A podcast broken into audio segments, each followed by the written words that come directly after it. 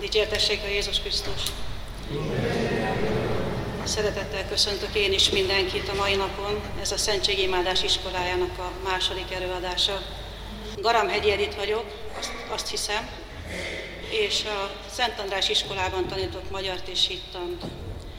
És a Szentségimádás iskolájának a második előadásán rácsatlakoznék arra, amit a György az elsőn elmondott, és mert minden jó művet a cím elemzésével kezdünk, ezért egy kicsit én is beszélnék arról, hogy a szentségimádás iskolája az hogyan is néz ki.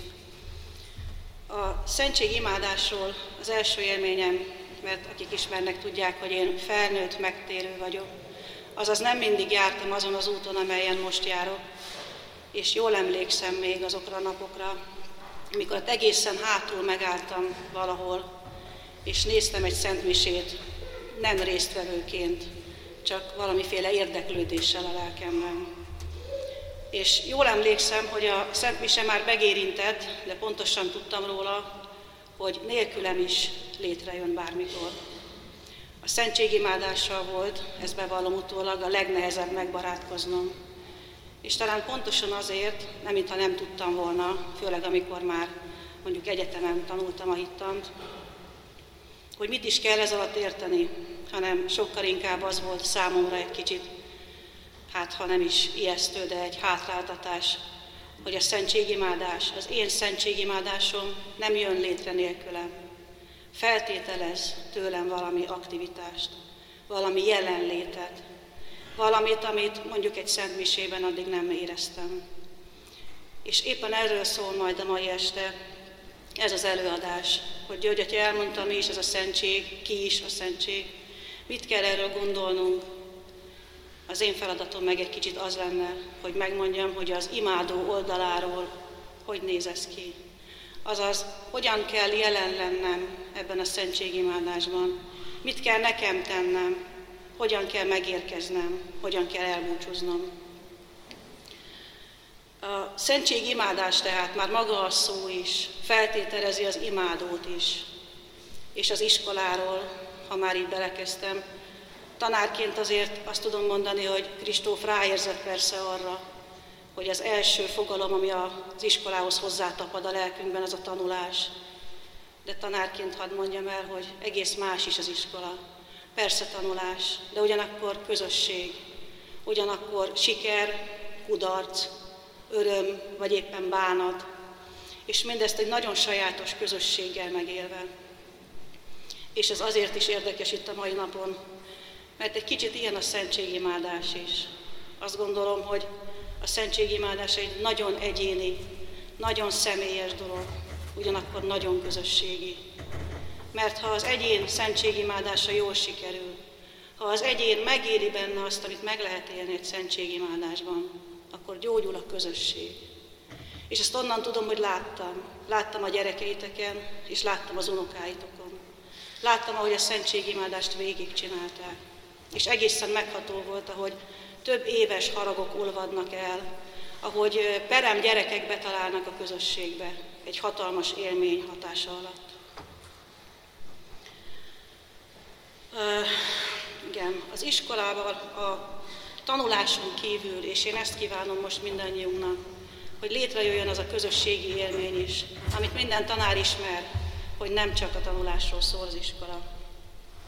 A mai tanításban Máriáról és Mártáról fogunk hallani, és azt gondolom, hogy maga a cím is egy kicsit rögtön ideget szúr a mai társadalomban, hiszen egy nagyon fontos dolog, két női szereplő kerül ma elő, Mária és Márta. És hogy miért fontos ez? Hát talán soha nem volt ennyire elmosódott, vagy meghatározhatatlan, vagy meghatározatlan a női és férfi szerep, mint éppen napjainkban. És azt gondolom, hogy az egyházban sem volt soha kimondva az, hogy mit is kellene kezdeni a nőkkel. Mi lenne a szerepe a nőnek a katolikus egyházban. És ezt ki mástól tanulhatnánk meg, és kivethetné föl ezt jobban, vagy hitelesebben ezt a kérdést, mint maga Jézus Krisztus. Ha megnézzük, hogy Jézus hogyan bánt a nőkkel, ha megnézzük, hogy hogyan közeledett hozzájuk, hogy hogyan beszélt velük, mit várt tőlük, mit fogadott el tőlük, akkor azt gondolom, hogy a mai napon egy picit előrébb leszünk. Bár ezt a kérdést nem ma fogjuk megoldani, de talán a felületet megkarcoljuk egy kicsit. Az egyik, hogy szeretném, hogyha most azok az urak, akik eljöttek, nem azt éreznék, hogy akkor én mit keresek itt férfiként, és nem gondolnák, hogy ez valami keresztény glamour napok lesznek, vagy valami csajos este. Erről egyáltalán nincsen szó. És én azt gondolom, hogy talán, ha valakinek fontos ezt végighallgatni a nőkön kívül, azok éppen a férfiak. De hogy miért? Azt szeretem gondolni erről, hogy az embernek kettő szeme van, és egy kicsit a férfi és a nő, ez a két szem. Ha becsukom az egyik szememet, és ránézek egy tájra, akkor persze látom én a tájat egy része kivételével, és látok éles részleteket, és talán látok nagyon sok mindent. És a másik szememmel is, hogyha ugyanezt megcsinálom fordítva, azzal is képes vagyok ugyanerre. De amikor mind a kettővel nézek, akkor létrejön a mélység, és térbe tudom helyezni azt, amit látok. És a térbe helyezés azért is nagyon fontos, mert nem csak a térben lévő dolgok kapják meg az eredeti helyüket, ahol tényleg vannak, hanem én magam is megkapom a térben a helyemet. Hiszen ehhez képes tudok viszonyítani a saját helyzetemmel kapcsolatban is. A férfi és a nő talán éppen a két szem, és talán nem túlzás azt állítani, hogy az, amit mi gondolunk Istenről, és az, az amit mi ti, ti férfiak gondoltok Istenről, az nem torz kép, egyik sem külön-külön. De éppen talán a mélységet tudjuk megérteni a másik segítségével. Éppen a saját helyzetünket, a saját életünket tudjuk egy kicsit máshogy, térben, mélységében és minden egyébben együtt látni, ha két szemmel nézünk Jézus Krisztusra. Azzal is azt gondolom, hogy tisztában kell lenni, hogy a Szent Háromságra nézve az Atya, a Fiú és persze a Szentlélek, de főleg ez a kettő annyira határozottan férfias, persze tudjuk, hogy az Istennek nincsen neme, de a Fiúnak például volt, hogy biztos vagyok abban, hogy mi nők és ti férfiak soha nem fogjuk őt ugyanúgy látni, éppen ezért a sajátosságunknál fogva. Hogy ne volna fontos szembesülni azzal, hogy a másik mit képes benne észrevenni, hogy ne volna fontos meghallgatnunk egymást, hogy mit értettünk meg belőle.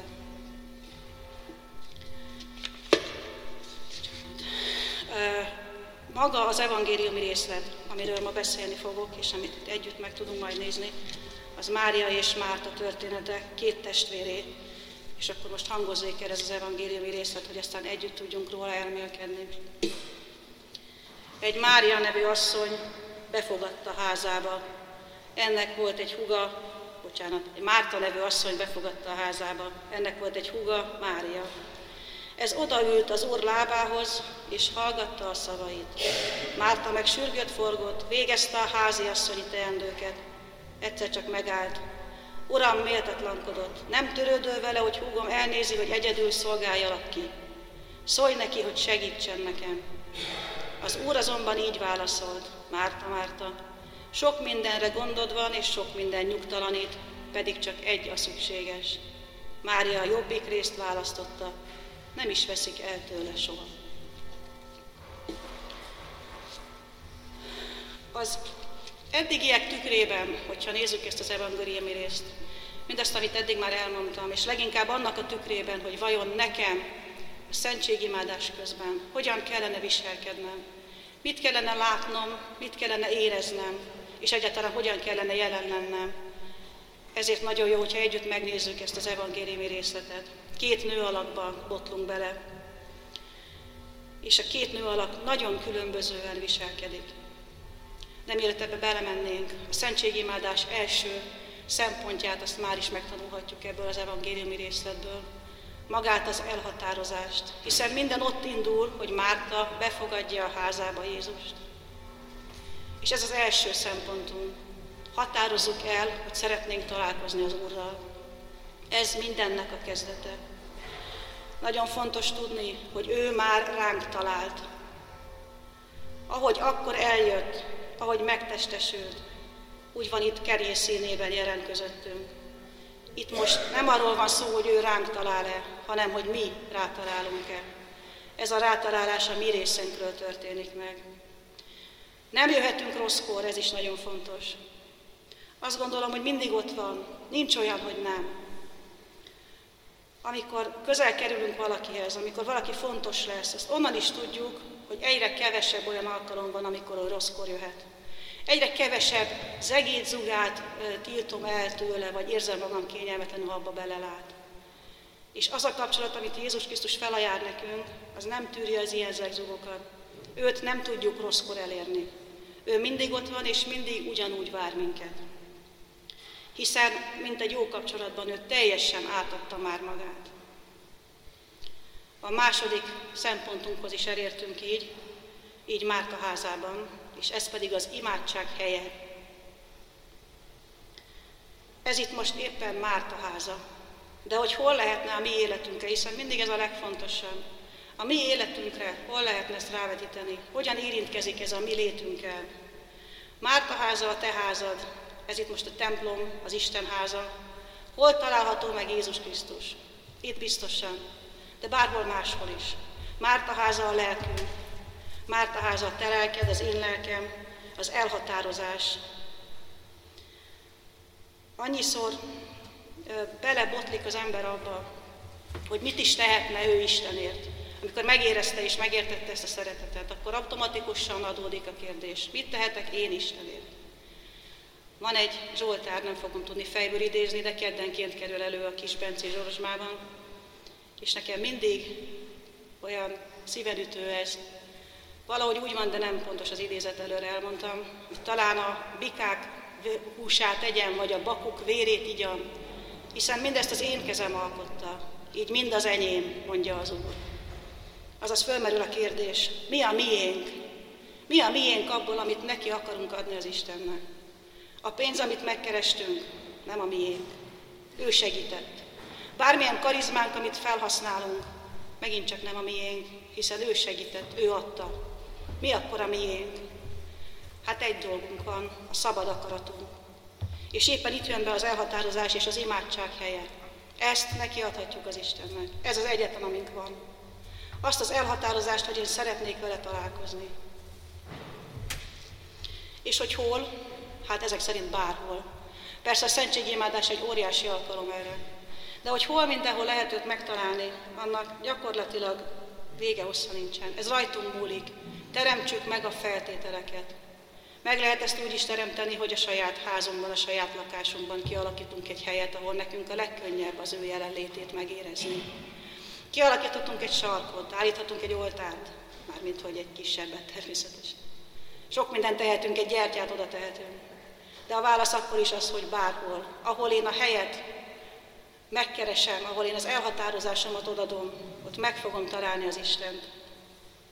És hát még egy dolgot elmondanék, hogy hol lehet megtalálni az Istent, és ezt megint a gyerekektől tanultam, a másik emberben. Lehet, hogy egy kicsit meredek, amit mondok, de azzal, hogy magunkhoz vesszük Jézus Krisztus testét a Szentmisén, ezzel magunkban hordjuk, jelentsen is ez a misztérium bármit. Nyilván ez egy olyan titok, amit nem fogunk tudni teljesen megérteni. De a másik emberben benne van Jézus Krisztus. És nem csak a szónak lelki és átvitt tanítói jellegű értelmében tudom azt mondani, hogy a másik embert nem tudom anélkül megütni, megalázni, rosszat mondani rá, hogy ezzel Krisztust is leütném, ne aláznám és nem mondanék rosszat róla. De szerencsére is ez a jó hír, nem is tudom a másik embert megsimogatni, felemelni, megvigasztalni, anélkül, hogy ugyanezt Krisztussal ne tenném. Az, ami minket összeköt, az sokkal inkább fizikai, mint ezt eddig gondoltuk. Én legalábbis ezt értettem meg, figyelve a gyerekek arcát, és figyelve mindazt, amit ők képviselnek. Azt értettem meg, hogy a másik emberben valóságosan ott van Krisztus. Ha nagyon keressük, akkor benne is meg kell látnunk. Hiszen magához vette az áldozáskor, benne él, és ez a túl nélkül nem tud élni. A harmadik ponthoz értünk el, ami úgy hangzik, hogy kiönteni a szívünket. És itt most nagyon valóságosan visszakanyarodunk Mártához, és persze Máriához, de elsősorban Mártához. Két nő, Mária és Márta. Kétféle lelki alkat. Kétféle reakció a házukban megjelent Krisztusra. Kétféle viszonyulás a vendéghez. Az egyik őjük úgy működik, ahogy mi nők működünk. Elkezdjük szolgálni a házunkba betért férfit, elkezdjük szolgálni a vendéget, elkezdjük előkészíteni, minden áron elérni nála, hogy jól érezhesse magát. Elkezdünk körülte keringeni, elkezdünk foglalatoskodni.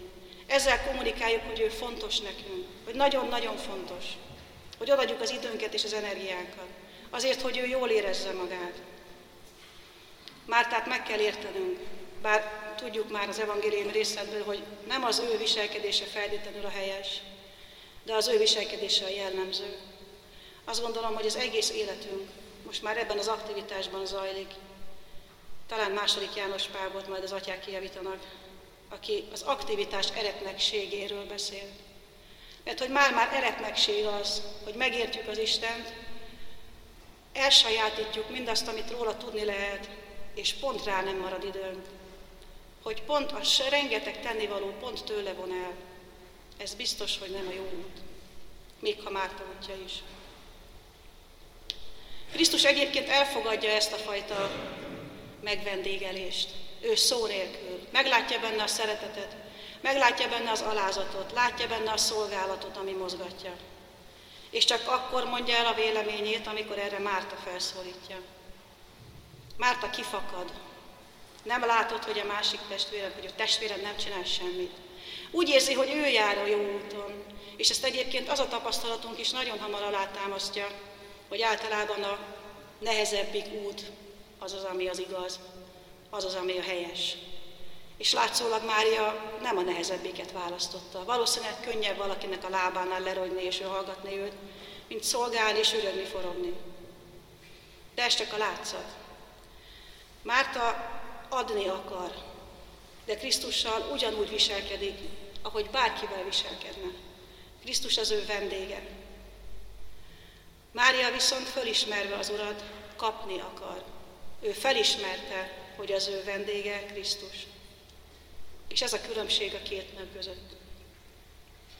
Amikor Márta kifakad, és elhangzik Krisztus szájából ez, hogy Márta, Márta, akkor ebben azért lássuk meg, hogy a nevén szólította. Hogy elég fontos volt neki, ahogy szoktuk énekelni, ne félj, mert megváltottalak, neveden szólítottalak. Nagyon fontos nálunk ez a néven szólítás. Azt jelenti, hogy ismerlek. Azt jelenti, hogy voltál olyan fontos nekem, hogy megtanuljam a nevedet. Azt jelenti, hogy a szívembe zártalak, és ott hordozlak. Valami ilyesmit jelent, gondoljuk csak vele, hogy mennyire megsértődünk, amikor valaki éppen a nevünkre nem emlékszik. Mária viszont egészen máshogy viselkedik, és ezt Krisztus csak itt most jelzi. Csak akkor, amikor Márta rákérdez. És Krisztus itt Mária megoldása felé hajlik. Ha jobban belegondolunk, Mária az első szentségimádó. Ő volt az első, aki úgy viselkedett, ahogy egy szentségimádásban viselkedni kell. Egyszerűen ült az Úr lábainál, mit nem adnánk érte, gondolom sokan, hogyha ebben utánozhatnánk és megfürdött abban a szeretetben, amit megtapasztal. Óriási érzés lehetett, és ne felejtsük el, hogy minden szentségimádásban ez a rendelkezésünkre áll, még ha kicsit máshol is. Az ő elcsendesedése, az ő urra figyelése már tulajdonképpen a negyedik ponthoz tartozik. Mert a negyedik pontunk az, hogy el kell csendesedni. Van két kemény valuta a mi világunkban, szabad ezt mondanom. Két igazi luxus cikk. Az egyik az idő, a másik a csend. Mind a kettő kell a szentségimádáshoz. Elcsendesedni, már József Attila emlékeznék fejből, hogy Zúdát mikor írta, de azt tudjuk, hogy kb. 30-as években már ott azt írta, hogy szoktatom szívemet a csendhez. Már akkor szoktatni kellett az ember szívét a csendhez. Már akkor nem volt természetes, ma meg egyenesen természetellenesnek tűnik. Nagyon ritkán, ha van erre alkalmam, akkor hittanórákon szoktam azt mondani a gyerekeknek, hogy egy negyed órára maradjanak csendben. Lefeketnek a padra, csinálhatnak bármit, csak maradjon csendben. És érdekes őket végignézni. Az első öt perc fáj, erre nem tudok jobbat mondani. Fáj nekik a csend. Viszketnek, dobálják magukat, vakaroznak, valami olyasmit tapasztalnak meg, ami elől eddig menekültek. És a hatodik, hetedik perc amire megnyugszanak, és megérkeznek a csendben. És mégis akkora élmény nekik, bár nagyon nehéz elérni náluk, de mégis akkora élmény nekik a csend, hogy volt egy olyan asztal, ahol ezt volt időm megcsinálni, és onnantól három éven keresztül, amíg tanítottam őket, ha volt egy tíz perc, amikor mondjuk befejeztük már az anyagot, és elhangzott a számból a kérdés, hogy mit akartuk csinálni, azt mondták, maradjunk csendben. Egészen érthetetlen volt. Megszerették a csendet. Otthon érezték magukat a csendben. És ez ma azt gondolom, hogy óriási dolog. A Mária viselkedésével kapcsolatban, hogy kicsit visszakapcsoljak, Mária nem követi a protokollt. Viszont ő ismeri fel, hogy a rendkívüli vendég rendkívüli hozzáállást igényel. Elcsendesedni, ez feltétele annak, hogy Jézusra hallgatni, ami már az ötödik pontunk. A kettő összefügg. Akkor tudok Jézusra hallgatni, ha én elcsendesedem. Sokszor mondják a gyerekek, hogy nem hallják, hogy Isten beszélne hozzájuk, hogy válaszolna az imádságaikra. Nekem meg sokszor az jut eszembe, hogy akkor se hallanák, ha üvöltene. Mégis mitől hallanák? Mindig tele van a fülük valamivel. Vagy a mi hangunkkal, vagy a szülőkével, vagy a tévével, bár leginkább az internettel. Fülhallgató, fejhallgató, valami mindig rajtuk van. Az Isten viszont ezt kéri, maradjunk csendben, és hallgassunk Jézusra. Ottlik Géza az Iskola határon című regényben egyszer azt mondja, hogy minél jobban sűrűsödik az igazság, annál jobban ritkulnak a szavak. És a végső lényeg valahol a hallgatás mélyén van, csak abba fér vele. És nem csak ő mondja, hanem egy óriási gondolkodónk Pilinszki János is. Egy rövid részletet felolvasnék az ő írásából. Ha minden zavaró elemről, bocsánat, ha minden zavaró elemtől meg akarjuk tisztítani imánkat, minden rejtett önzéstől, nagy lelkűségbe öltözött rút kicsinyességtől, okosabb Istenre bíznunk, hogy mit is kérünk tőle, mit is üzenünk általa egy másik embernek. E néma és kérésektől, kikötésektől mentes ima, amelyben lemondunk akaratunkról, és Istenre bízunk, miként boldogítsa és vezesse akár feleségünket vagy gyermekünket, vagyis azokat, akiket Isten legközvetlenebbül ránk bízott, és akikkel szentsége szerint is egyek vagyunk. Igen, még hozzájuk intézett szavaik közül is a legtisztább és legszentebb, az a néma imádság, amely megfogalmazását egyedül Istenre bízza. Tanuljunk meg csendben lenni, Jézusra hallgatni. A szavaink, és ezt is el szoktam mondani a gyerekeknek, mert nagyon lényegesnek tartom, a szavainkkal úgy bánunk, mint a papírpoharakkal, elhasználjuk őket. Elhasználjuk fecsegésre, céltalan fecsegésekre, kegyes vagy nem kegyes hazugságokra. Elhasználjuk idétlen viccekre, elkoptatjuk őket, elveszítik az eredeti fényes jelentésüket. És elvárjuk Istentől, hogy amikor hozzájuk intézzük, ugyanebből a lélekből, ugyanezzel a szájjal, ugyanezekkel a szavakkal, akkor ő vegye komolyan. A szavainkat Isten tiszteli. Mi nem tiszteljük eléggé. És ez nagyon fontos, hogy ezt megértsük. Amikor azt mondja Jézus Máriának, hogy ő nem is veszíti el soha, nem is veszíti el soha, amit most megértett, akkor ez is egy nagyon komoly dolog. Hiszen Mária és Márta házába betérve egy találkozás zajlik, és a találkozások oda-visszahatnak. Hat Mártára is, mert amit most meghallott, és amit megtapasztalt, és amivel Jézus szembesíti őt, az biztos, hogy elkíséri egy életen keresztül. Mint ahogy Máriát is, az, amit ő hallott. És különös talán, de hat Jézusra is. Hiszen nem sokkal később felkeresik őt a tanítványai azzal, hogy Lázár meghalt, ő a harmadik testvér. És amikor visszamegy erre a helyre, szándékosan késve, hogy Lázár feltámasztásával megmutathassa Isteni hatalmát, és dicsőíthesse az Urat, akkor nem a barát halálán rendül meg, nem ott rendül meg elsősorban, amikor megtudja, hanem amikor Márián és Mártán, ezen a két nőn, akinek már az érzelmeivel és a hozzájuk való viszonyulásával találkozott, amikor rajtuk meglátja először emberként, hogy milyen ember oldalról megnézni a halált, akkor van egy ilyen sor, hogy a szíve mélyéig megrendül. Sokkal később persze kínozni fogják őt, megverni és megalázni, de sírni, azt hiszem itt látjuk talán először, Férfiak nem tudják őt megríkatni, de a két nő elképesztő fájdalma. Amikor először szembesül azzal, hogy milyen emberi oldalról megnézni a halált, ő, aki mindennél jobban tudja, hogy mi van a halálon túl, akkor elsírja magát, és kihívja Lázárt a sírból.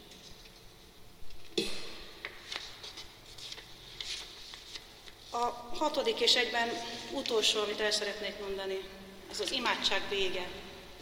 Ahogyan az emberi kapcsolatokban is vannak bizonyos iratlan szabályok, hogy hogyan is búcsúzunk el a másiktól, és nincs két egyforma búcsunk, mindenkitől máshogy búcsúzunk el, meg vannak a magunk szokásai. Úgy itt is nagyon fontos, hogy hogyan búcsúzunk el. Az első, hogy lassan búcsúzzunk. Ne tépjük ki magunkat a szentségimádás csendjéből. Ha már elcsendesedtünk és Jézusra tudunk hallgatni, akkor időzzünk el benne, ameddig lehet, és lassan szálljunk ki belőle. Mert hogy minél többet magunkkal szeretnénk vinni. Nem minden találkozásunk egyforma, de van, amiből, és ezt biztosan átéltétek már ti is, és átéltem én is, van, amiből a lehető legtöbbet szeretnénk magunkkal vinni, ha lehet az egészet. És egy jó szentségimádás az ilyen élményt nyújt. Azt az élményt, hogy ha lehet, akkor ezt az egészet magammal szeretném vinni. Mert nem csak arra az időre befolyásolta az életemet, amíg ott voltam, hanem az egész továbbit is. Fontos, hogy bármi történjék is a szentségimádásban, nem úgy megyünk el, ahogy idejöttünk. Valami történni fog.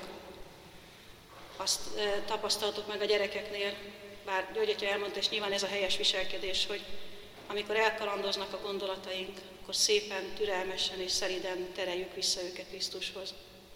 Én nem voltam ilyen bátor a gyerekekkel, mert hogy ők is ezzel kérdezkedtek és ezzel bombáztak minket, hogy baj-e, hogyha ő a saját kis dolgait örli a fejében, amikor szentségimádáson vesz részt. És azt mondtuk nekik, hogy nem.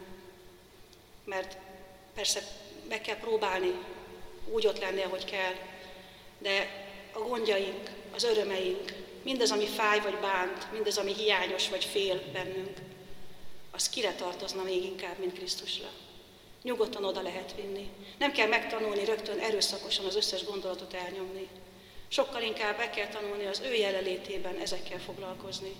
Az a tapasztalat a gyerekektől is és magamról is, hogy ha ezt mind lemerem tenni, ha ezt mind vele és az ő jelenlétében végig merem gondolni, végig merem pörgetni, akkor egyébként magától megoldódik. Amikor az ember találkozik ezzel a szerepettel, akkor mindaz, ami engem foglalkoztat, már ehhez képest nem is lesz fontos.